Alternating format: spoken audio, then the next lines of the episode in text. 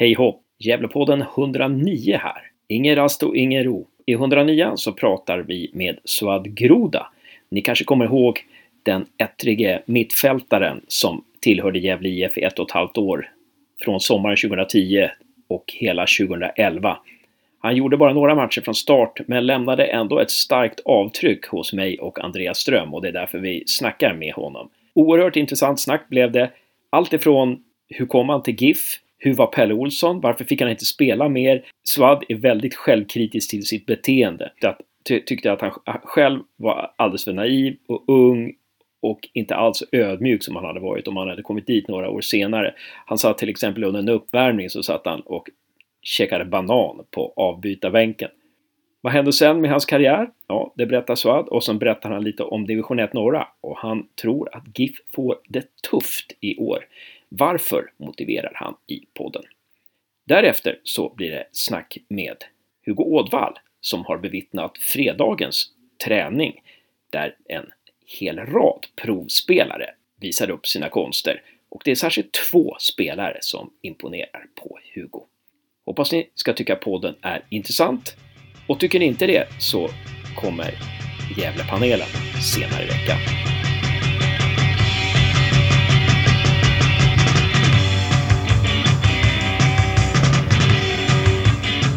Välkommen till Gävlepodden säger vi speciellt till Suad Groda. Tack så mycket. Det är en ära att få prata med dig. Du var ju med i GIF eh, under två händelserika år. Du har nummer åtta nu i Nyköpingsbissarna har jag sett. Vilket nummer hade du i Gävle IF?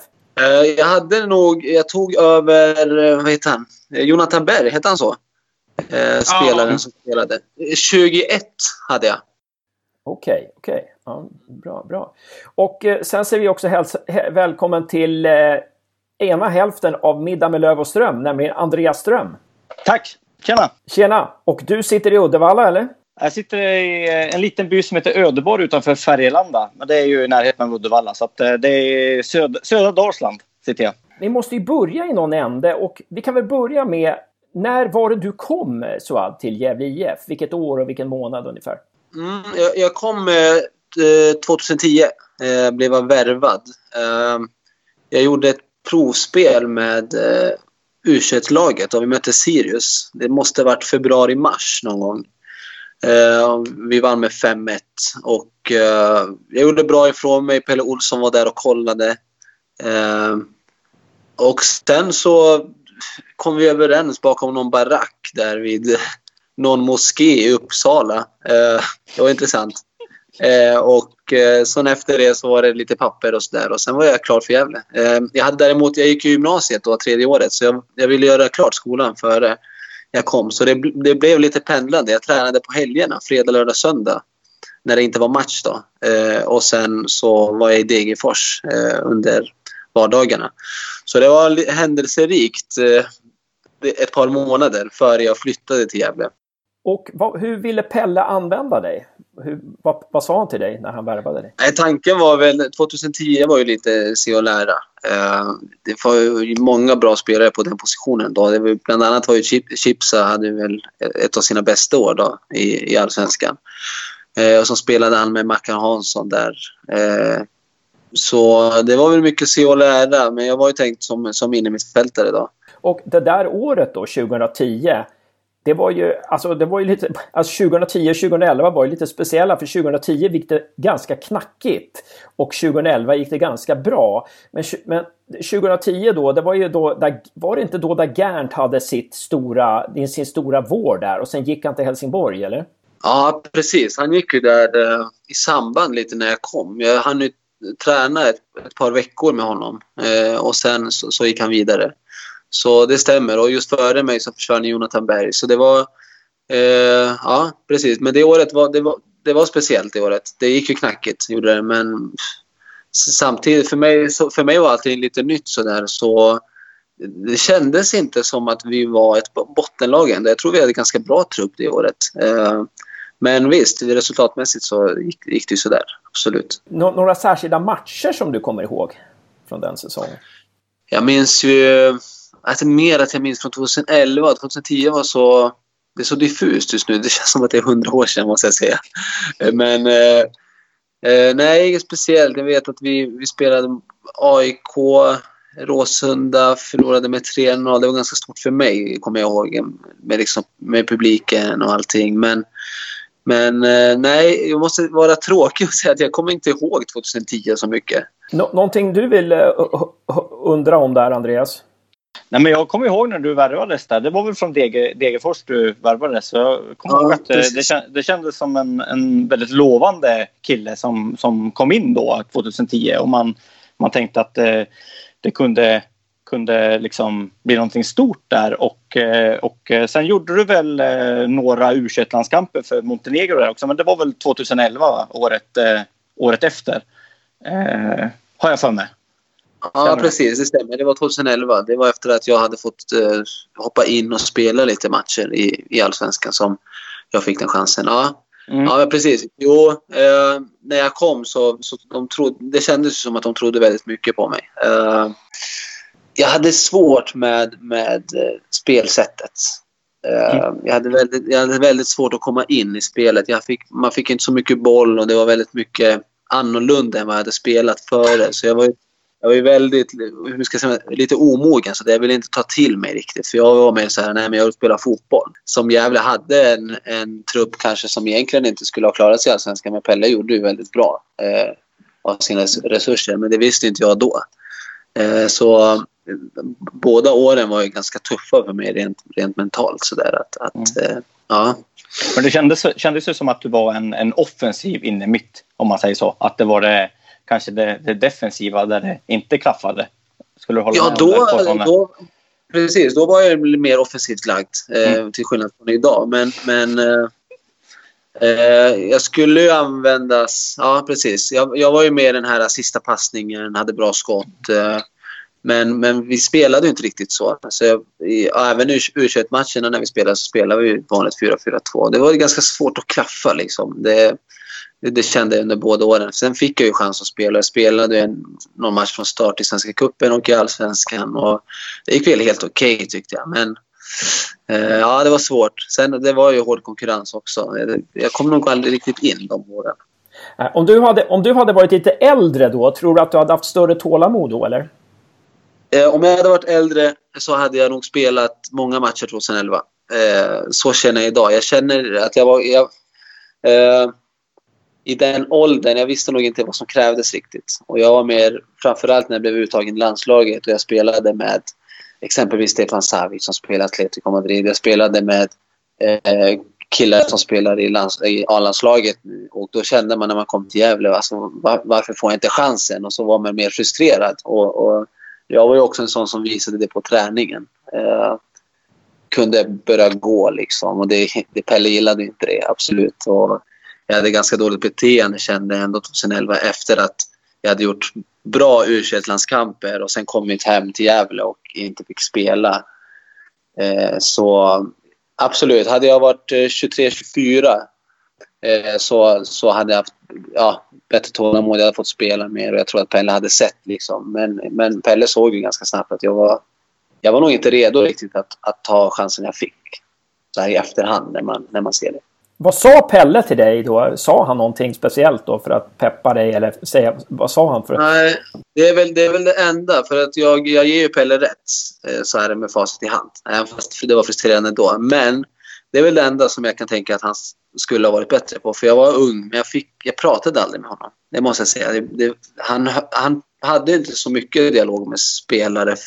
Nu vet jag inte hur det var med de här äldre. Eh, alltså Hasse Berggren och Jonas Lant. Och de kanske hade en bättre relation till honom. Men jag pratade ju väldigt sällan. Jag kan väl räkna på, på en hand liksom hur många gånger jag satt ner och pratade med honom. Och då nämnde han ju oftast inte vad han ville utav mig. Utan det var liksom, man gick på träningen och visste inte riktigt vad som krävdes. Och det gjorde ju inte Thomas heller, Andersson, som, som var assisterande. Så där lite så, så skulle jag kanske ha behövt mer vägledning i, i den åldern. Där, där, skulle jag kunna tänka mig att Mackan Bengtsson som är i, i Gävle nu, som är huvudtränare nu, han har nog varit en perfekt assisterande där. Eh, eller vad säger du Andreas? Ja, nej, men jag vet inte. Man, man har ju bara hört positivt om, om Pelle där. Men det, det är väl kanske... Och han har ju lyckats med väldigt många spelare också ska man ju säga. Så att, eh, men, eh, men eh, som sagt var, jag, jag, jag är inte insatt i hur de är. Men utifrån så, så känns det ju inte som att någon av dem är, är jätteverbala. Om man säger så. De är inga matchcoacher någon av dem. Så att, äh, men det är svårt. Men äh, det är ju säkert som Suad säger. Och, och äh, ja, ja, det är svårt för mig att sätta mig in i.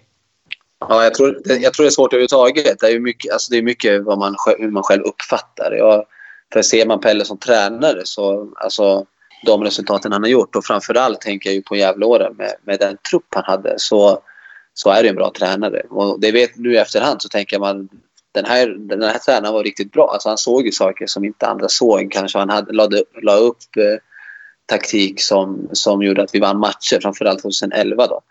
Men det är så där, ur eget perspektiv tänker man. Men jag vet inte. Det, åren går och man, man är ju alltid klok efteråt. Liksom, så det, det skulle vara intressant att prata med Pelle, Pelle idag och se hur han tänker. Och han kanske har utvecklats själv också när det, när det gäller just det här med kommunikationen då och så. Men vilken var Pelles styrka skulle du vilja säga som tränare? Nej, men jag, jag, jag tycker att Pelle han förlorar inte en grupp. Eh, alltså, han hade alltid med sig gruppen och jag tror att det är mycket att han är ganska anonym. Han, alltså, han, de hade sitt eget omklädningsrum då, minns jag. De rörde sig sällan i omklädningsrummet, i vårt omklädningsrum.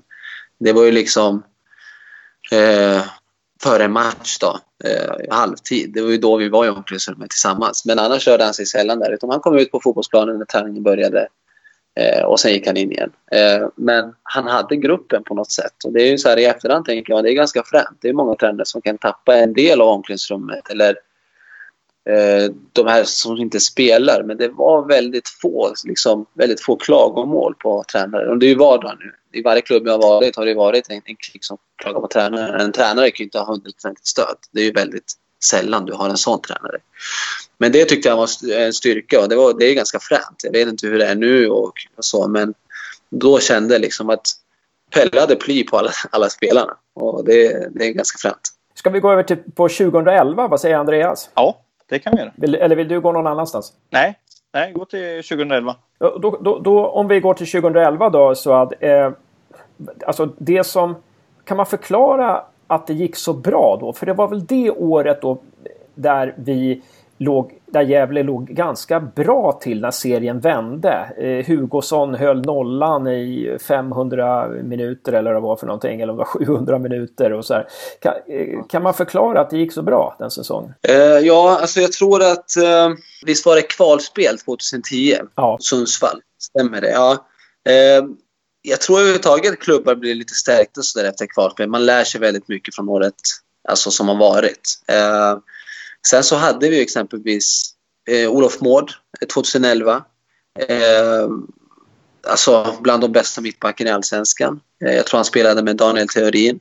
Eh, vi hade Chipsa på mitten. Tillsamm- jag, jag tror att vi värvade Zakaria Abdullahi då. Eh, ja, jag tror att det var 2011. Eh, vi, spelade, alltså, vi hade ett bra lag och vi hade Olof som gjorde mål, vi hade Micke Dahlberg som gjorde mål, vi hade en bra backlinje. Så vi, hade ett, vi hade ett ganska bra lag. Så tabell, när man kollar på tabellen så var det inte så överraskande. Men eh, eh, sen förklaring, vi spelade ju likadant. Alltså, vi, vi ändrade inte spelsätt 2010-2011. Det var ju, det var ju ganska... Det var ju samma. Det är ju samma som Pelle Olsson spelar, alltså, om man kollar i andra lag han har varit i. Men men eh, jag tror att det bara allt satt. Allt satt bra. Eh, om vi hade spelare som presterade på 150 procent. Och eh, då blev det en sån säsong. Sen kom vi nia tror jag det året. Eh, ändå. Så det är inte att vi var inte topp fem. Det var inte en jättesäsong. Men jag kände ju liksom, man kände ju staden och man kände i klubben att det var, det var någonting bra. Liksom. Det är väl eh, Gävles bästa placering någonsin va? Nia. Mm, jag tror inte vi har kommit ja, det... högre än någonsin i Allsvenskan än, än den säsongen. Nej, tror det kan jag. stämma. Det kan stämma. Mm. Ja, det, det, var ju en, en, en streak där med sex raka förluster som, som förstörde säsongen lite. Hade, inte den, mm. hade, hade ni varit lite jämnare där efter att serien vänt så, så hade det kunnat bli ännu bättre. Ja, precis. Tror det blev lite bekvämt också att eh, för en gångs skull behövde Gävle inte kriga för överlevnad och då, då slappnade man lite av på, på höstsäsongen där istället för att liksom tugga på. Eller det var den känslan man fick som supporter i alla fall att att man var ganska nöjd, om man säger så. Det kan vara så. Det kan absolut vara så. Man testar på lite nytt. Man vet att det är, det är som du säger, det är en bekväm position i tabellen. Alltså, kollar man allsvenskan idag, de här klubbarna som ligger 8, 9, 10, inte har någonting att spela för. Det blir, det blir sällan bra prestationer. Eh, och så, så, så kan det absolut ha varit i det här fallet också. Några speciella matcher som du minns från det året? Alltså min första start minns jag ju. Det var ju en katastrof. Alltså rent spelmässigt tyckte jag jag skötte Jag spelade med Chipsa på mitten. Men vi förlorade mot Mjällby borta med 5-1. Och det kändes som att de gjorde mål på allt. Eh, jag vet, det var en tuff debut var det. Eh, jag minns, jag minns den kvällen. Då var ju liksom uppdaterade Sportbladet för att se mitt betyg och så fick jag plus ett. Och det var ju, alltså det var ju, det var ju jättejobbigt. Det var ju inga spelare som fick två tror jag. Det var jätte, men för mig själv var det jättejobbigt. Jag, tog, jag, kände, jag kommer ihåg att jag tog på mig den förlusten själv. Det var ju liksom min första start. Och man, det var, jag tror att men var det, det var någon som var avstängd. Jag tror att det var Zachary Abdullahi som var avstängd och jag fick spela med Chips och Marcus Hansson spelade mittback. Eh, Nej, men den kommer jag ihåg. Det var ett negativt minne, men jag minns att jag tog den där förlusten. Liksom. Jag tog den på mig själv, även fast jag bara var 18-19 år. Eh, sen när man kollar i efterhand på matchen så var det liksom, vi var ju usla hela laget. Men ja, den, den minns jag nog mest och det är synd att jag har det minnet. Men ja. Så det är en negativ match där liksom. Då, var det, hur många matcher startade du den säsongen? Kommer du ihåg det? Jag startade två bara. Jag startade mot eh, Mjällby och jag startade mot BP tror jag. Och jag tror BP till och med var Svenska cupen. Sen fick jag göra ett par inhopp. Jag tror jag gjorde en 6-7 inhopp. Eh, AIK hemma. Eh, Norrköping hemma. Eh, Helsingborg borta. Eh, det, var, det var ett gäng inhopp och det var en bra period för mig för jag fick spela runt 30-35 minuter och då kände jag liksom att nu liksom är jag på gång och Pelle eller tror på mig. Liksom. Han sätter in mig. Jag kommer ihåg att vi hade ju Öyvind Gram som var värvad från, från Norge och Bernhard Nyström tror jag spelade. Men det kändes som att jag kom, jag kom förbi dem i, i ordningsföljden och det var skönt för mig. Sen blev värvningen av Zakaria Abdullahi, det blev lite, det blev lite jobbigt för mig att, att han fick spela för då tyckte jag Eh, fast det var ju då i och för sig. Men då tyckte jag att jag var bättre än honom. Eh, så det blev, det blev jobbigt för mig. Och han kom och han hade en bra vänsterfot och så fick han en hörnor som han gjorde assist på. Jag kände fan liksom... För man känner så när man är ung. Det blir liksom så här... Fan, nu gör han assist. Nu kommer han få spela. Så här, idag, idag så här, liksom, kan jag sitta på läktaren och typ, alltså, man bryr sig mer om sitt lag. Då var det, mer, det var mycket jag. Det måste man ju erkänna som ung spelare och det tror jag att alla tänker lite. Att det, det är ju oftast ens egen eh, jaget före laget. Eh, skulle jag kunna tänka. Och så var, så var det lite och det var tufft. Men jag, jag, jag fick ändå spela och det, jag, jag minns att jag hade, jag hade en bra period. Eh, före sista kanske 6-7 omgångarna då fick jag knappt vara med. Jag tror att det var lite att, jag, att Pelle såg att, alltså, hur jag, min attityd lite, att han inte skulle förlänga med mig. Så då, då var jag knappt med i truppen. Och, eh, ja, hur visade du din attityd? Hur visade du, på vilket sätt vis, demonstrerade du ditt missnöje? Ja, det var väl olika. Alltså, det var ju mycket liksom... Jag var ju inte en glad kille i omklädningsrummet eh, då jag inte fick spela och kände att jag, jag skulle det. Eh, på planen, på träningarna så var jag liksom... Var det någon övning, typ en klassisk så här att Thomas Andersson upp till forward, tillbaka ut, på en ytter och så inlägg så skulle jag ju köra något extra väggpass eller eh, försöka få liksom... Eh, om jag spelar upp den till Olof så spelar han tillbaka så spelar jag upp den till Olof igen. Liksom. Alltså lite så. Men det var ju...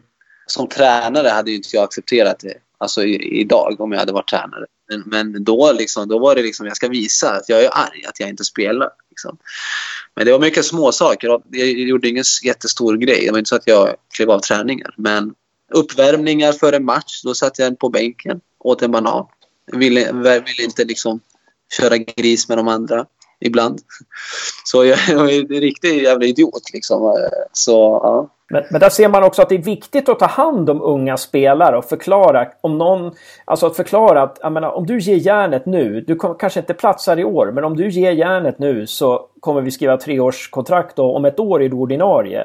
Och om du hade fått höra det så kanske du hade liksom kämpat på bättre? Eller?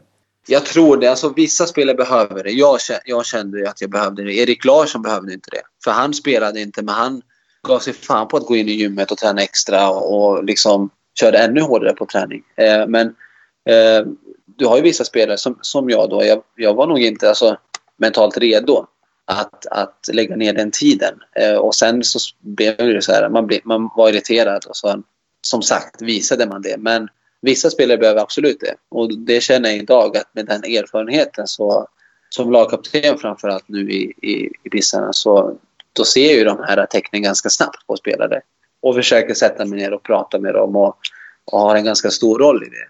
Men det är ju för att jag har lärt mig den hårda vägen. Det här påverkade ju mig jag var liksom. Så jag, jag, som sagt, jag, jag skulle behövt liksom, jag skulle behövt en tränare som, som såg det här ganska snabbt och, och pratade med mig.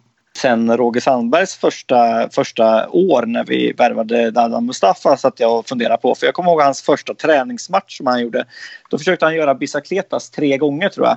Och då vart man liksom sådär det här skulle aldrig ha hänt på Pelle Olssons tid. Man blev liksom nästan chockad. Och när du sitter och pratar om din attityd och så, så, så kan jag tänka mig att det inte var jättepopulärt hos Pelle Olsson. För att jag tror att han kanske har lite svårt för, för just, just det, tänkte jag säga. Att man har mycket attityd. Även om det betyder att man vill ju väldigt mycket då om man, om man blir förbannad. Liksom. Men jag, jag vet inte, jag satt bara och funderade på att det kanske är någonting som, som Pelle Olsson då, anno 2011, inte kunna tackla riktigt kanske.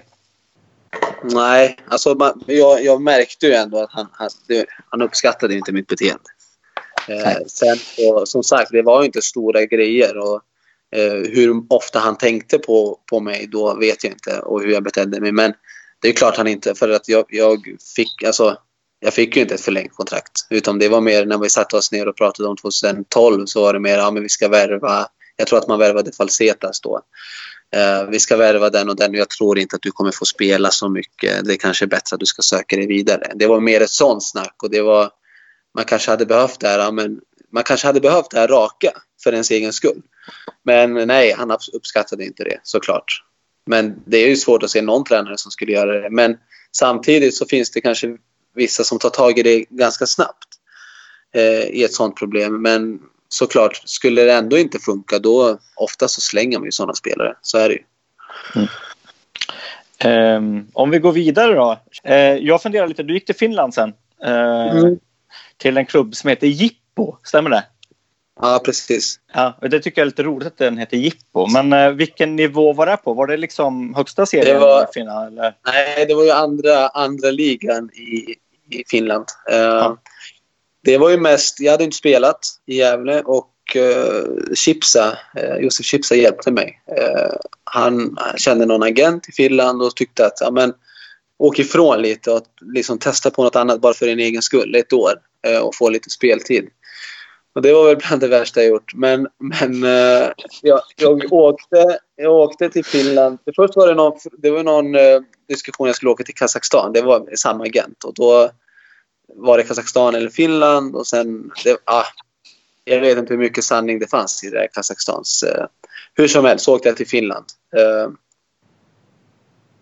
Mot ryska gränsen, kom dit. Det, var, alltså det var tre meter snö, det var en jättekonstig stad.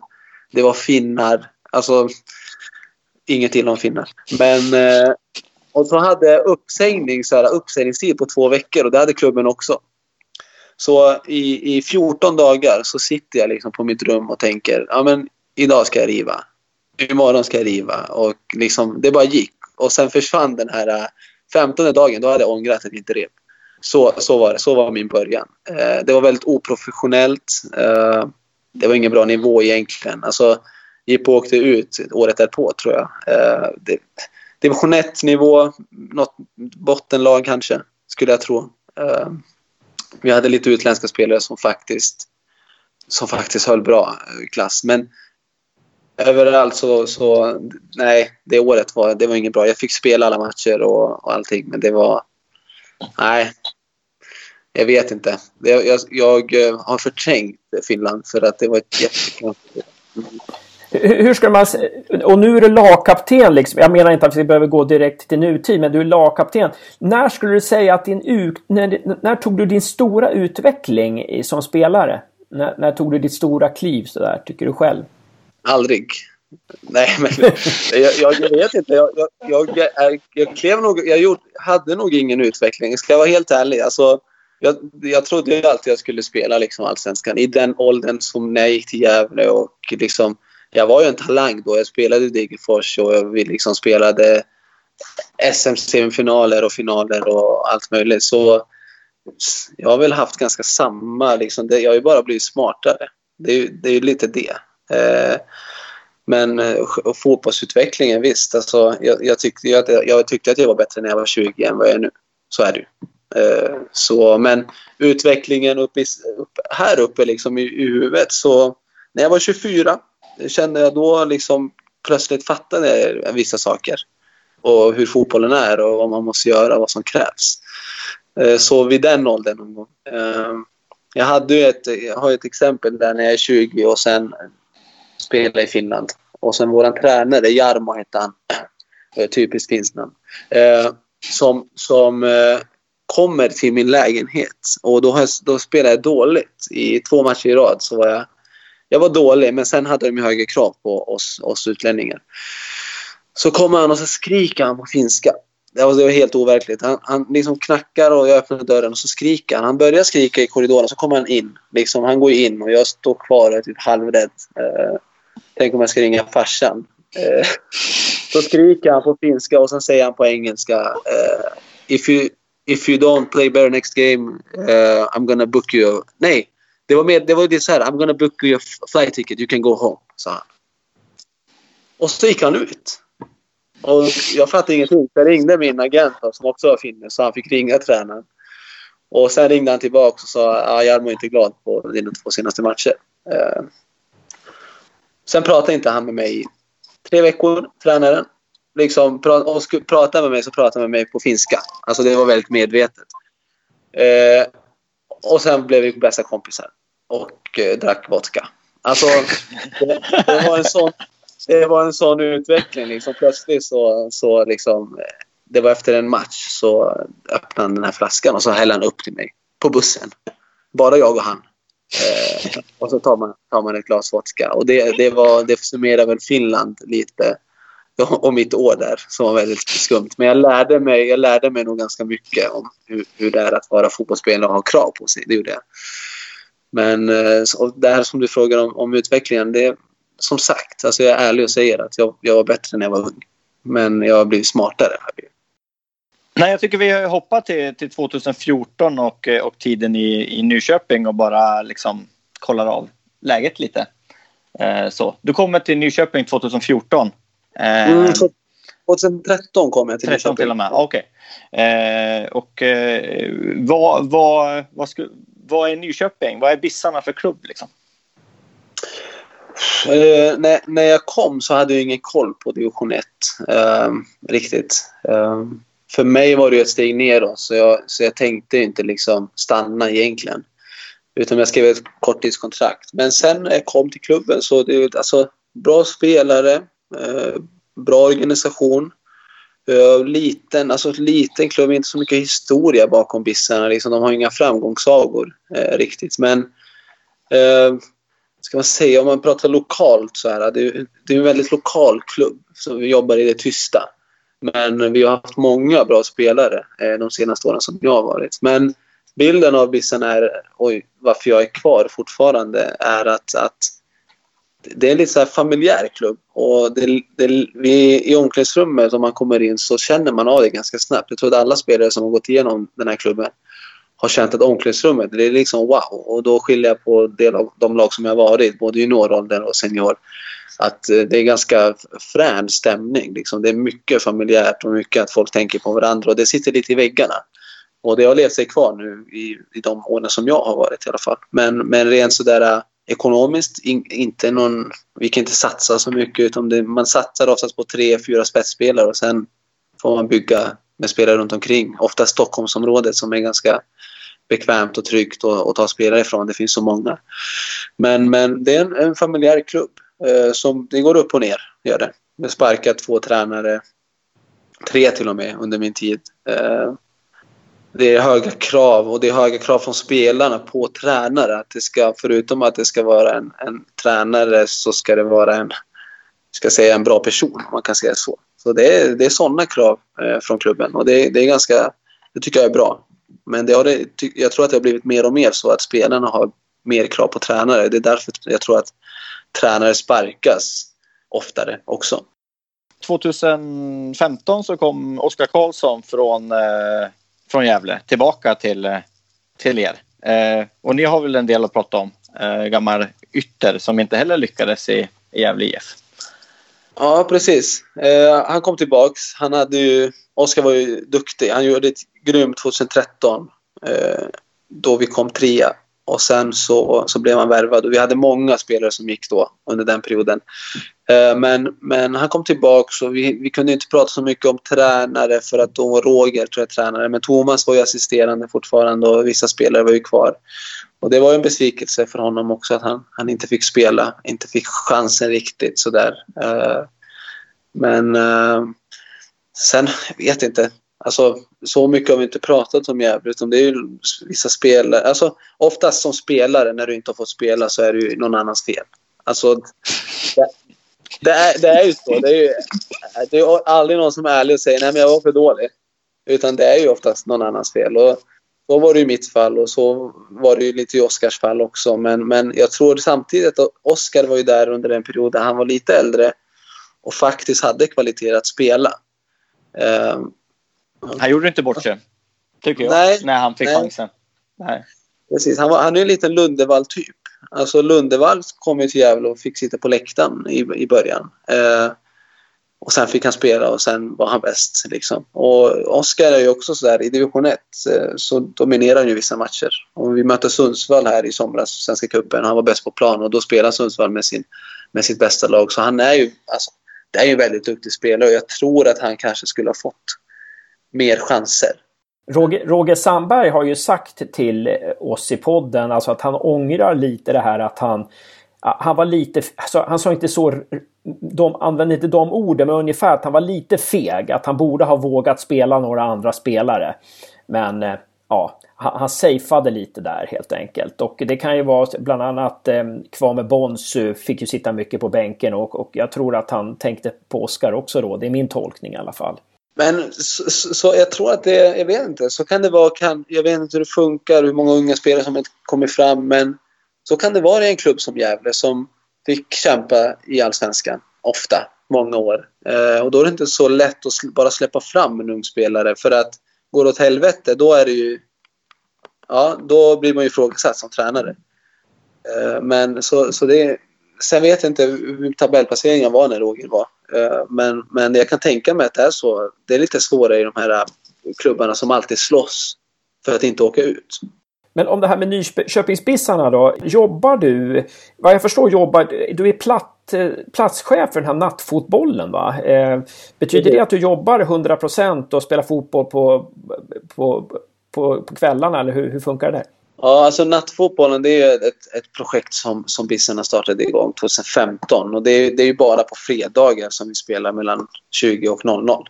Eh, men det är ett väldigt populärt eh, projekt som, som lockar väldigt mycket ungdomar. Så det jobbar jag inte med egentligen utan jag är till vardags klasslärare eh, och jobbar på skola. Eh, men, men visst, jag har, jag har engagerat mig väldigt mycket i, i sån här spontan fotboll för ungdomar. För jag, jag, känner att det finns inte så mycket att göra på, på kvällarna. Eh, och fotbollen lockar ju alla, eller oftast. Det lockar många, gör det.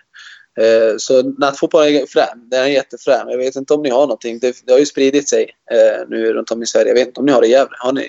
Eller finns det i Gävle? Vi hade i somras hade vi nattfotboll faktiskt eh, på, på fredagarna. Var det det som var på Strömvallen? Nej, det var i Sörby. Ja, okej. För det var ju någonting, någon spontanfotboll på, på, på Strömvallen också. Ja, men det kanske, kanske var på Strömvallen. Kanske var på Strömvallen. Kanske jag som ja, har fel där. Det var ju Kent Björk som drog igång någonting där. Men jag, jag hann aldrig dit. Jag får ta det nästa sommar. Jag börjar bli så gammal också så jag blir skadad så fort jag ska. ja. Vad tänkte jag på? Eh, eh, vi har ju en provspelare från Nya Zeeland i, eh, som är i Gävle den här veckan. Eh, du får hjälpa mig med namnet där. Eh, så att... Eh, Francis heter han. Ja, precis. Eh, vad, vad skulle du säga om honom? Men Francis kom till oss i, i somras. Vi, har haft, vi har haft otroligt mycket skador i år. Så, så de värvade Francis. Som, han har fått spela varje match. Han var en, det var en match han var på bänken. Men jag vet inte. Division 1 kan han spela absolut på den nivån. Eh, nu är det en lagkamrat. Jag ska inte, alltså, eh, det beror på hur Gävle, vad, vad det blir för lag och hur mycket man satsar. Ska man satsa så är kanske det inte en, en mittback som man ska värva. Men eh, tänker man att det här blir ett mellanår så är det absolut en kille som har, han har ju spelat division 1 men det, är ju den, det här är ju det enda året han har rutin från division 1. Annars har han spelat division 3 tror jag. För Så det skulle ju vara en jättechansning. Och jag tycker inte att liksom det, han har inte presterat så bra hos oss.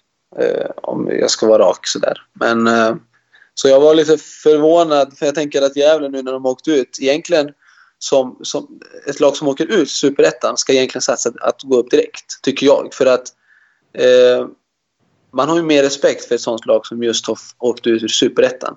Som division 1-klubb. Vi säger vi Bissen om vi möter ett, ett Gävle som just åkt ut och satsar igen. Då får de automatiskt mer respekt. Och Gävle får ju automatiskt mer respekt med tanke på sina år. Så jag vet inte riktigt hur, hur Gävle har tänkt i år. Men om vi pratar om honom så, ja, jag vet inte. Det beror på tränarens smak säger jag. Och det får räcka. Ja, men jättebra. Jättebra. Om vi går över och, och, och pratar lite om division 1 eh, norra, lite allmänt sådär. Liksom. Vad, vad är det för serie som, som Gävle kommer att, kommer att möta om man säger så? Eh, är, det, är, det liksom, eh, är det några topplag och de i botten är dåliga eller är det en, en jämn serie rakt över? Eller hur, hur, mm. hur tänker du där? Det finns alltid, det finns alltid två, två tre lag som, som är bottenlag. Eh, och som, som blir lite slagpåsar. I år hade vi Assyriska, Armeniska, Syrianska och Skellefteå. Eh, de plockade väl inte många poäng. Eh, runt 17-18 kanske under hela säsongen. Men sen så måste jag säga att division 1 norra, och det är, det är bra kvalitet. Eh, och det kan man se på senaste, senaste åren. Lag som har gått upp i superettan och allsvenskan till och med. Alltså vi har ju AFC, vi har Sirius som gick upp 2013, AFC 2014, vi har BP som har gått upp till Allsvenskan, vi har Dalkurd som spelar i Allsvenskan. Alltså det Östersund. Östersund som har spelat och det var 2012. Alltså, du har ju jättemånga exempel på att, att norrettan, det är ingen, det är ingen lätt serie. Nu gick Syrianska, både Syrianska och Västerås upp i superettan. Eh, så, så det här är... Ja. Brage gick ju otroligt bra också sin första säsong Precis. i superettan. Ja, det finns jättemånga exempel. Så norrätten är inte att leka med. Utan eh, det blir ingen dans på rosor. Och beroende på hur Gävle värvar och sådär så kan det bli ett tufft år. Alltså det, det, man vet aldrig. Det kan, Gävle kan komma på eh, bottenplats eh, i division 1. För division 1 är, är, så pass jämn. Och det finns bra lag och det finns många bra spelare som oftast tar steget sen till, till superettan eller allsvenskan från division 1. Och det är framförallt senaste år så har det blivit ännu mer fokus på norrettan då, och eh, även söderettan. Mm. Så det här är en serie som man kommer till som inte är så mycket sämre än superettan. För det enda jag tänker i superettan är att det finns topplag som exempelvis Helsingborg, AFC, eh, Falkenberg. Vi säger topp fem. Det är högre kvalitet. Resten måste... Alltså, jag, jag måste vara ärlig och säga att det är samma nivå. Alltså, det, det, är, det är väl kanske någon individuell spelare som är bättre i Superettan, men det är ganska liknande nivå. Vad säger du om Sandviken då? Du har ju mött Sandviken två gånger i år. Eh, deras eh, spelare och deras spelsätt med Pelle Olsson. Mm, jag la upp en tweet om Sandviken för inte så länge sedan. Och den, den, den löd så här att det, det här är ett lag som du har kontroll mot i 90 minuter men förlorar med 5-0. Och vi, vi åkte till Sandviken och spelade match och jag hade kontroll i 90 minuter och jag förlorade med 5-0. Och jättekonstig match. Liksom, vi hade bollinnehav och så gjorde de mål och så hade vi bollinnehav. Ja, men vi, liksom, vi kommer göra mål. Och så gjorde de mål och så vann de med 5-0. Eh, de spelar väldigt disciplinerat. Eh, inte så mycket tiki-taka. Eh, har Belander, Belander på topp och hjälte, liksom stor, stora killar. Eh, men har gjort det bra i division 1 i år. Alltså, det får man ge Pelle. Han har ju ändå satt, han har satt sitt Pelle Olsson-system. Eh, jag tror att han spelar 5-3-2 i, i Sandviken. Eh, men eh, förra året var det lite tuffare för dem tror jag. Eh, det enda jag minns från förra året är att jag gjorde ett drömmål mot dem. Som vi kan nämna och, och kanske när du den här podden att du höjer lite när jag säger det. Ja, precis.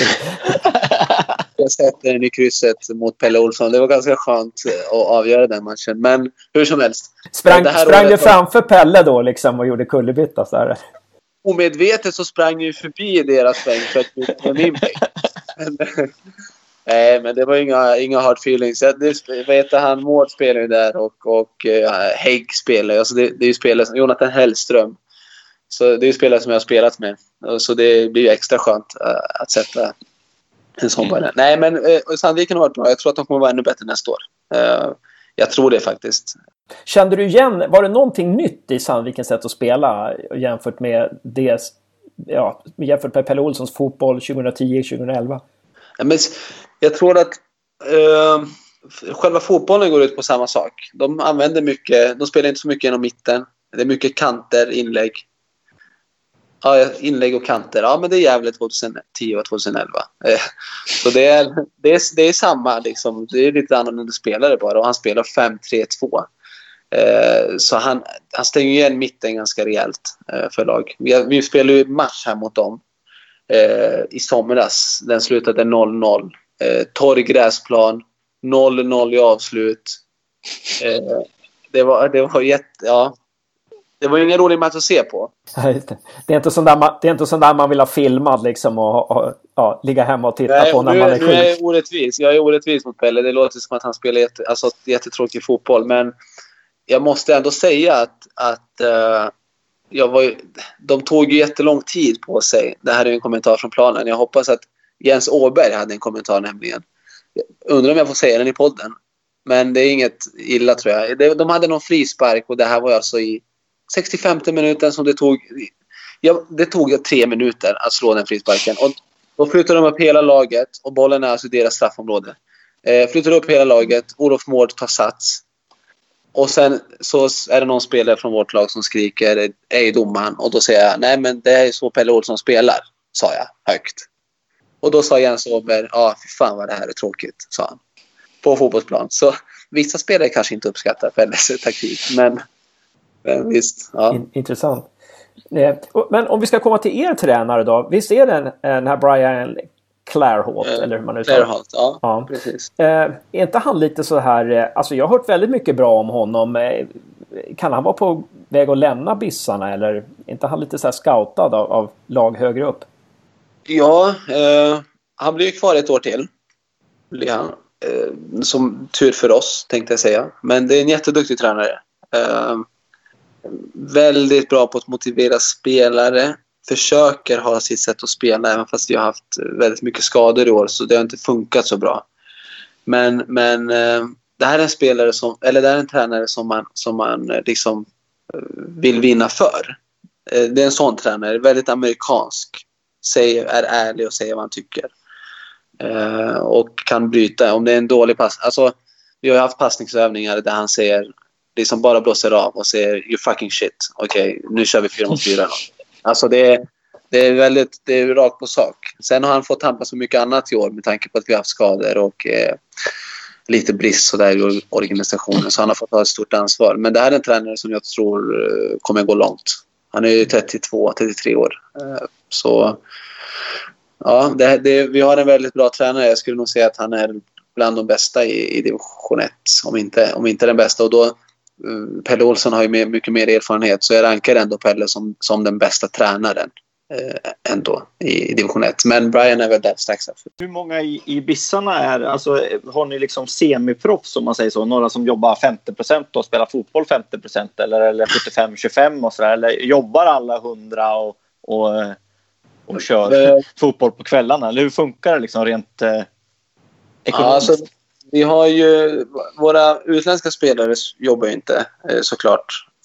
Först för att de inte får jobba heller, men men de jobbar inte, de är, de är proffs då. Eh, sen mm. är inte lönerna jätte, alltså det är inte jättestora löner. Det är inte så att du kan lägga undan och köpa en, en Lamborghini. Men, men de klarar sig. Eh, sen så, det är, väldigt, det, det är ju väldigt olika. Eh, mm. Jag skulle säga att jag har en bra lön, men jag jobbar ju ändå Alltså jag jobbar 100 för att jag har, liksom, jag har familj och, och två barn. Och, mm. eh, man, man måste, alltså, ska jag säga, man kan inte gå till skolan och säga att jag jobbar bara fram till lunch nu. Och sen, alltså det blir, det blir väldigt konstigt. Det är ingen som anställer dig då. Utan, så det blir att man jobbar och det är många som jobbar 100 procent. förutom de här utländska spelarna. Men det, finns, det är ju, alltså, ekonomiskt det finns ju, det finns ju pengar att, att betala ut. Om man säger så. Sen, sen de yngre spelarna kanske tjänar en tusing medan vissa kan tjäna 15 eller 20. Ja. Mm. Så det är väldigt stora skillnader. Eh, vilka, vilka lag tror du blir farliga nästa år? i division 1? Ja, nu gick ju Västerås Syrianska upp. Jag tror att Sandviken blir farliga. Eh, jag tror att Karlstad blir farliga. Jag tror att Karlstad BK blir farliga. De gick just upp, men de, de gör en satsning. Nya Östersund läste jag, så jag hoppas att de åker ut. Eh, och sen så tror jag att vi blir och det är inte för att jag spelar i Vissarna, men jag tror att vi, vi blir bra nästa år. Eh, jag vet inte vad jag ska säga om Gävle. Jag har ingen koll eh, riktigt. Inte vi heller. Så jag tror inte, alltså jag tror inte det blir en jättebra första, ett jättebra första år. Det blir nog, det beror, om, om det är många spelare kvar från Superettan så blir det lite en chock tror jag. Att spela division 1. För att förhoppningsvis så underskattar de inte division 1-lagen, men det, det, kan nog bli en liten chock. Men vi får se hur väl förberedda de är för att, att spela på den här. För att plötsligt kommer du till eh, Örebro och ska spela mot forward och så är det 28 villor just bredvid och så är det sån här äh, galler bakom målen. Äh, och så ska man spela en sån match på en usel gräsplan och då ska man klara av det också. Så det, är, äh, det, det blir lite skillnad från superettan. Men jag räknar inte med Gävle i topp 5 i alla fall. Det känns ju som att vi är inne i en, en riktig rebuild. Alltså att, vi, att man kommer att jag vet inte, vad har man för målsättning Hasse? Man, eh, mitten någonstans? Ja, ordförande sa ju att eh, man, ett, man satsar på att etablera sig i division 1. Och det låter ju, det låter ju som att eh, ja, om, om man, ska spela i superettan senast 2025. Det är alltså om sju år. Så att eh, ja, det, det, låter som att man, man satsar på att stanna kvar bara helt enkelt. Har de sagt så? I 25? Ja, sa, sa det i podden. Eh, nummer 100, 103 tror jag det var. Gävlepodden 103. Så sa han Vilken jävla satsning. Ja, vi har ju ingen ekonomi alls känns det som. Så att, eh, Nej, okay. Nej, det är väl liksom eh, realistiskt. Sen, sen har jag teorin att man har, man har en målsättning internt och så har man en utåt mot oss. Liksom, att man, eh, okay. eh, ja, man vill väl liksom inte på grund av det här ekonomiska trasslet vi har haft de senaste säsongerna så vill man väl liksom inte eh, slå på stora trumman. Liksom, utan okay. man kanske har lärt sig av misstagen eller vad man ska säga. Eh, från de här två säsongerna i Superettan då, då vi också skulle gå upp. så att, eh, ja, eh, så ligger det till. Eh, själv då, vad har du liksom för ambition? Är det, du blir kvar i Nyköping eller du väntar på samtal från, från allsvenskan? Eller? Ja, precis. Jag, jag, nu såg vi att det går knackigt för Chelsea också, så vi får se. jag tycker inte Jorginho presterat så bra på sin position. Eh, vi får se vad som händer. Men eh, nej. Men den, den, sto den, stora frågan är väl hur går det för Jippo?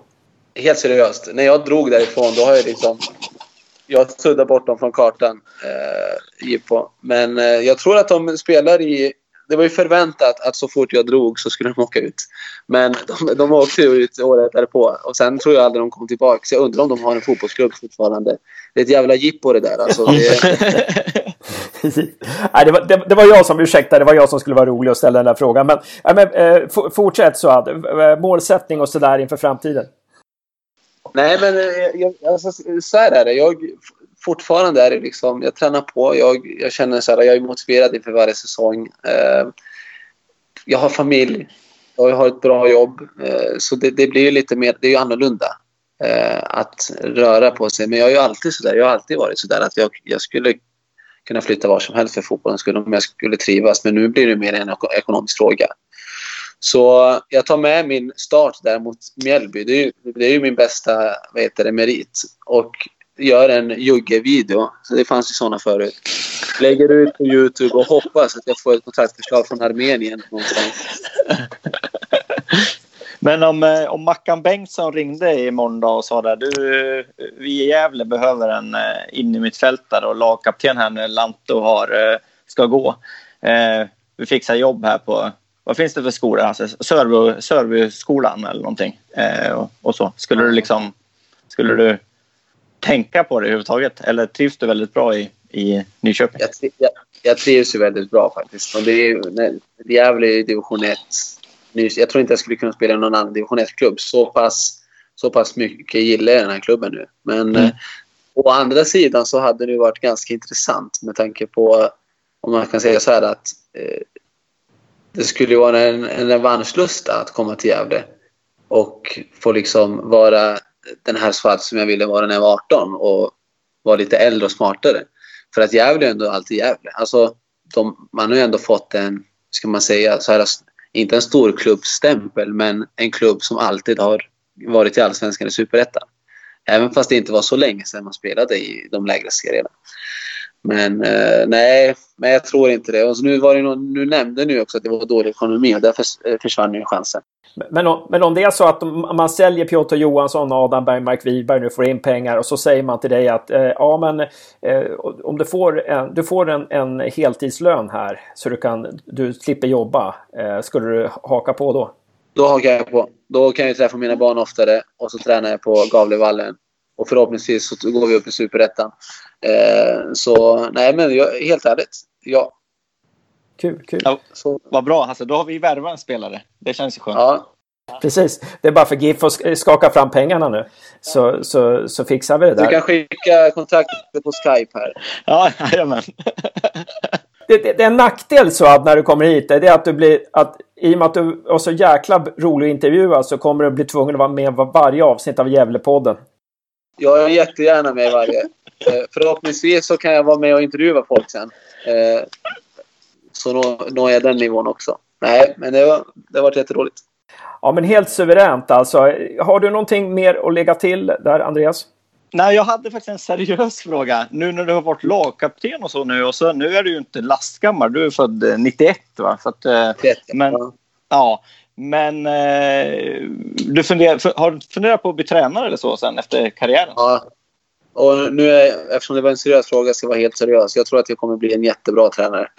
Eh, och jag har, jag har eh, faktiskt funderat på det. Eh, och så har jag varit. Nu jag har ju varit meniskskadad halva säsongen. Så har, jag har ju fått hoppa in och vara assisterande tränare. Och det har varit riktigt roligt eh, faktiskt. Så det, det är en, en kommande karriär och ibland funderar jag liksom så här, ska jag avsluta spelarkarriären snabbare och bli tränare? Eh, det har varit en seriös tanke. Eh, men det får komma allt eftersom. Men eh, vi får se. Eh, sen är det så här att tränare blir sparkade hela tiden. Eh, så det är inte så bra post att vara. Så vi får se jag skulle nog behöva en, en bästa kompis som sportchef då också och inte bli sparkad så fort. Men, eh, nej, men jag, jag, kommer nog absolut bli tränare. Det kommer jag. Eh, tack så mycket Andreas Ström för att du var med i podden. Tack, tack. Och stort tack eh, Suad Groda för att du ställde upp. Tack själva, det var jättetrevligt. Ja, det var väldigt roligt att prata med dig och eh, jag hoppas att vi kan återkomma till dig när division 1 har kommit igång och, och kolla lite vad du tycker om omgångarna och sådär. Absolut, absolut.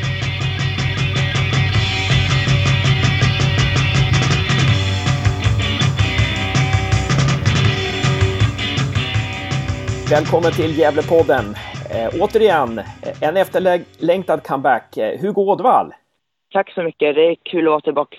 Och du har inte bara varit supporter den här veckan utan du har även jobbat och skrivit texter. Du skrev en text om Jonas Lantos där du fick eh, information från Jimmy Morens Gävle 442 och så var du på provträningen igår också. Där det var många, ja, det var många eh, intressanta spelare som provtränade. Hur, hur var ditt eh, intryck eh, eh, från träningen? Hur tyckte du att den var? Jo då, precis. jag var uppe och väldigt mycket provspelare. Eh, vad jag fick, kunde räkna det till nu dagen efter så får jag det till att det bara var runt en 7-8 spelare från den här årets trupp då. Och vilka var det? Törneros, Florén, Sandlund, Gusman, Måns, Kevin Pers, äh, Måns Berggren och Kevin Persson och Albin Luikangas får jag det till. Och sen så var det, det, det GDAB gjorde ju en lista på kanske, vad kan vi säga, det kan vara en 10, 12, 14 spelare någonting. Eh, och ja. Eh, var det ungefär så många provspelare det var eller? Ja, jo det skulle jag säga. Erik Granat var inte där då, men annars så skulle jag säga att den där listan som GD skickade i början på den här veckan stämmer. Var det någon speciell spelare som imponerade på dig? Eh, ja, två spelare har jag tagit med mig. Eh, den första, Jakob Ejerblad, mittback. Eh, skolad i Älvsborgs akademi vad jag har fått, eller vad jag har lyckats tagit reda på. Men som inte är kvar där och provtränat med Gävle den här veckan. En eh, lång, eh, ganska, alltså, lag, alltså en, en riktig mittbackskropp har han. Lång, stor, eh, han kändes stark. Men ändå bollskicklig och hyfsat teknisk. Eh, han tyckte jag imponerade och sen så ah, har jag även tagit med en mittfältare. Ja, väldigt konstigt namn men eh, Jonathan Getashev. Om jag ska försöka, försöka mig på det där namnet. Också en teknisk, bra, fint skott. Men har ha det mesta som en mittfältare ska ha. Tyckte också han imponerade väldigt mycket på träningen. Och han, enligt GDAB, så har han tillhört Västerås eh, sedan sommaren. Precis. Men släpps nu av Västerås då. Ja, exakt. Vad spännande. Så han var... De två stod ut. Skulle du säga att de två påminner om några? Den här mittbacken, Jakob Bejerblad, om du skulle likna honom vid någon mittback? Eh, ja, spelmässigt svårt att säga. Han hade ju faktiskt fin högerfot. Eh, fint tillslag, hyfsad teknik. Så spelmässigt skulle jag väl nästan kunna säga att han liknar Anton Lantz hösten förra året med Poja. Eh, utseendemässigt så tycker jag han är en kopia av Martin Rauschenberg. Okej, okay, okej. Okay. Men eh, om jag ska jämföra med någon gammal GIF-spelare eller så, så är det väl Anton Lantz, skulle jag säga. Och den här Jonata Getashev? Eh, ja, vad ska jag säga? Ja, eh, ja, men då skulle jag kanske säga... Eh, ja, det var länge sedan, men Kwame Bons så skulle jag kunna väl jämföra han lite med, skulle jag kunna säga. Ganska, inte jättelång, teknisk, kvick, smidig, snabb. Ja, vi säger Kwame Bons på han. Kändes han eh, Kändes det som en mittfältare som, som spelar som sittande mittfältare som är bra på att täcka ytor och jobba hårt eller kändes det som en mittfältare som mer var kreativ och teknisk och, och så? Jag säger nog kreativ och teknisk. Han, var, han, var hår, han jobbade hårt på träningen igår också, han mycket boll, men jag skulle nog säga att hans spetsegenskaper ligger nog på det mer offensiva och lite mer kreativa. Det här är ju två ganska unga spelare. Jakob Ejerblad, mittbacken där från Elfsborgs akademi som du nämnde, han är 19 år och den här Jonathan Get Getashev är 21 bara. Eh, men fick, fick du den... Eh, kändes de unga eh, när du såg dem? Såg, såg de unga ut eller utstrålade de liksom pondus och, och så? Ja, Jonathan kändes... Eller Jonathan kändes väl... Det är svårt att säga. Eh, han tog inte för sig så jättemycket med pondus, eller liksom så. Eh, Jakob däremot kändes väldigt... Han tog för sig och pratade mycket under matchliknande övningarna. Och han kändes, trots sina 19 år, så kändes han väldigt trygg och rutinerad. Jätteintressant. Det, det, var ju så att vi hade ju en intervju här, vi har gjort en intervju, jag och Andreas Ström med Suad Groda som tillhörde Gävle IF ja. 2010 och 2011. Och han nämnde då, jag tror att det var Francis de Vries från en nyzeeländsk eh, mittback. Ja, precis. Eh, han var inte speciellt imponerad av Francis de Vries. Han tyckte att han, eh, han skulle bli förvånad om Gävle kontrakterade honom. Vad säger du om de Vries? Ja, precis. Han var ju också där uppe då när jag var på träningen. Ja, nej, han... Nej, absolut inte. Han imponerade långt ifrån lika mycket som Jakob Ejerblad gjorde då. Inte alls med samma pondus och så hade han inte alls den här... Eh, alltså den här lilla... Jakob hade faktiskt en förvånansvärt bra teknik och bra tillslag, och bra högerfot. För att vara en mittback så. Den hade inte alls Francis. Så skulle jag välja mellan de två så blir det ganska lätt val på Jakob faktiskt. Mm, intressant att det var två som stack ut där. Kände du att de här Jakob Ejerblad och Jonathan Getachev, kändes de liksom bättre än de giffare som var med? Nej, jag skulle inte säga bättre, men mycket, mycket bättre på en helt annan nivå än de flesta andra provspelarna och faktiskt uppe och var nog på en, om inte precis lika bra så, ja men de, de låg i alla fall på samma nivå som GIFs nuvarande spelare som fanns där på plats. Var det någon som imponerade ur GIF, eh, de här, av GIFarna där? Kevin Persson och Törnros och Louie och de här? Ja, precis. Eh, Samuel Gussman. Eh, också riktigt bra träning. Den, där, den jag var uppe på. Kan jag, han kan jag haft en bra träning bara sådär, men han, då, han var, han imponerade. Eh, tog för sig mycket och ja, men kändes nästan lite som en lagkapten där på planen faktiskt. Eh, och sen var Adam för jäkla bra. Det är allt och lite till faktiskt.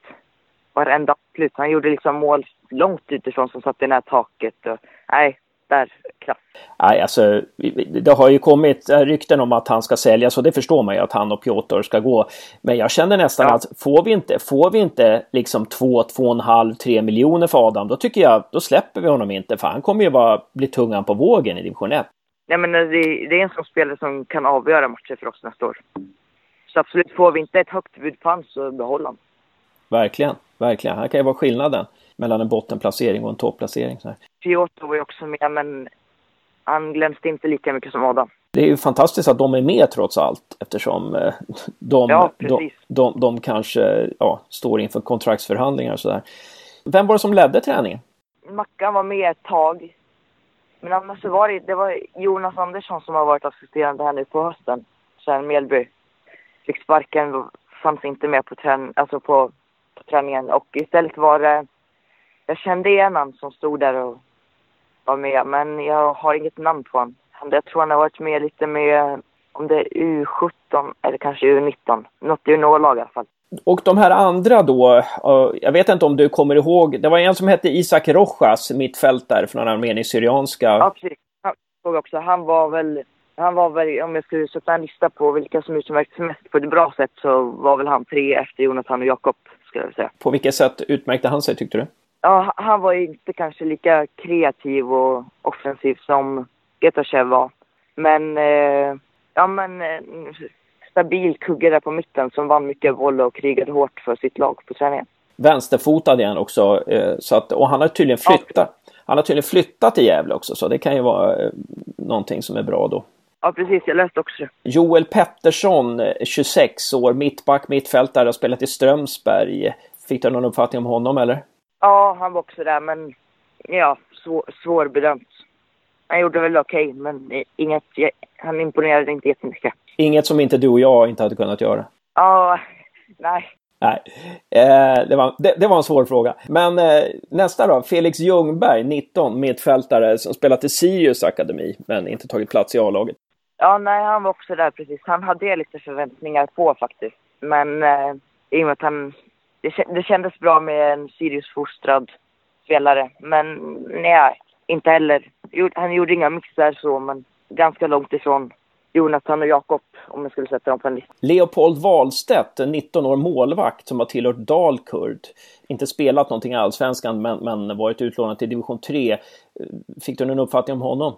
Eh, ja, precis. Han stod i ett av målen. Eh, för varken August eller Viktor Frodig var ju där igår. För. Eh, nej, men han gjorde det också helt okej. Okay. Gjorde absolut inga, inga målvaktstavlor. Skötte sig godkänt i mål skulle jag säga. Också svårbedömt, svårbedömt att dö, döma en målvakt på en träning så men, men han gjorde inga större missar. Linus Zetterström, 21 år, forward från eh, Karlstad BK. Ja, precis. Jag tror han fick in en boll där i alla fall, men ja, ingenting vi ska ha tror jag. Och slutligen Oskar Zackrisson, vänsterback, eh, som har spelat två säsonger i Ängelholm i Söderettan. Eh, fick du en uppfattning om honom? Jo, men lite samma som de här andra. Ganska medioker, så utmärkte sig inte särskilt mycket. Han var hyfs, hyfsat snabb faktiskt. Inte, det var ingen Jens Bortin liksom, utan han, han, han, hade, han hade en springförmåga så. Eh, men annars in, inte heller. Han utmärkte sig inte jättemycket så. Har, du, eh, jättetack Hugo, helt fantastiskt att du var upp till träningen och, och gav den här rapporten. Har du hört några rykten och andra rykten utöver det här? Nej, det är ju det här med Piotr, att Kalmar och Göteborg verkar vara intresserade. Adam, det verkar, där verkade ju GIF avslagit budet från den här norska klubben. Eh, så kring herrlaget har jag ingenting. Damlaget var väl Matilda Henriksson och prov, eller Kvarnsveden ville ha henne på provträning. Oj då. Jag läste jag GD. Och sen så fick jag även rykten, men det var nog en månad som snart, men att Ljusdal var intresserad av någon GIF-spelare i GIFs damtrupp. Det var väl det jag kunde bjuda på ryktesväg. Ja. Har du hört några rykten om eh, att eh, Frodig är på väg till en Stockholmsklubb, eller? Ingenting så som jag har hört. Jag har för mig att det var något på forumet som skrev någonting för inte så länge sedan. Men jag har inte hört någonting annat konkret om det så. Han är på semester i Thailand nu just nu vet jag. Men, ja men jättebra. Men, jag inte, när jag intervjuade han här för någon vecka sedan så kändes det inte, det var inte det självklara svaret som jag fick från Sebbe Sandlund att liksom, ja, jag är kvar. Utan det var lite mer, ja, vi får se liksom. Så att jag tror inte det, det är långt ifrån klart med Sordeg. Det, det, låter ju lite oroväckande då och samtidigt så vet vi ju då att eh, Tobias Wennergrund har skrivit på nytt kontrakt för Valbo också. Så att, eh, Men eh, det, det, får vi se om det var att han skrev på kontrakt bara för att han vill bli lö, lös, att Valbo ska få pengar i så fall. Det, ja. Mm. Har du också tänkt det? Ja, jo, den tanken slog mig också att han ville vara lite schysst mot Valbo och inte gå helt gratis. Ja, men eh, Helt suveränt Hugo. Någonting mer du tycker vi ska lägga till här från silly season och dina intryck från gårdagen och dina tankar kring dagsläget? Inför gå eller ifrån gårdagen tror jag inte att jag har något mer faktiskt. Vi får väl helt enkelt vänta och se hur det blir med Sundsvallspojken Erik Granata. Precis. GIF hade väl erbjudit ett konkret bud nu med ett kontrakt. Det är väl upp till han att bestämma när han skulle träffa Sundsvall senare nästa vecka tror jag. Ja, precis. Det, är ju ganska unga spelare som provtränar nu så att vi får hoppas att eh, det blir ju ännu viktigare nu att eh, Florén och Törnros och några till eh, som, som är lite över, ja, som har passerat 22-23 årsstrecket i alla fall, att de är kvar. Ja, men det ser vi ju bara nu när vi åkte ur Allsvenskan. Liksom, alltså, nu hade vi ändå Lampe och Oremo och så. Men vi hade ändå en ung trupp och även i år också. Rutin är underskattat faktiskt. Det är oerhört viktigt med rutin. Vi får hoppas att Daniel Bernhardsson går att övertala och kanske Hugosson också. Exakt. Ja, men stort tack Hugo Ådvall för att du ställde upp i Gävlepodden. Ja, det är alltid en ära att få vara med. Det är bara till.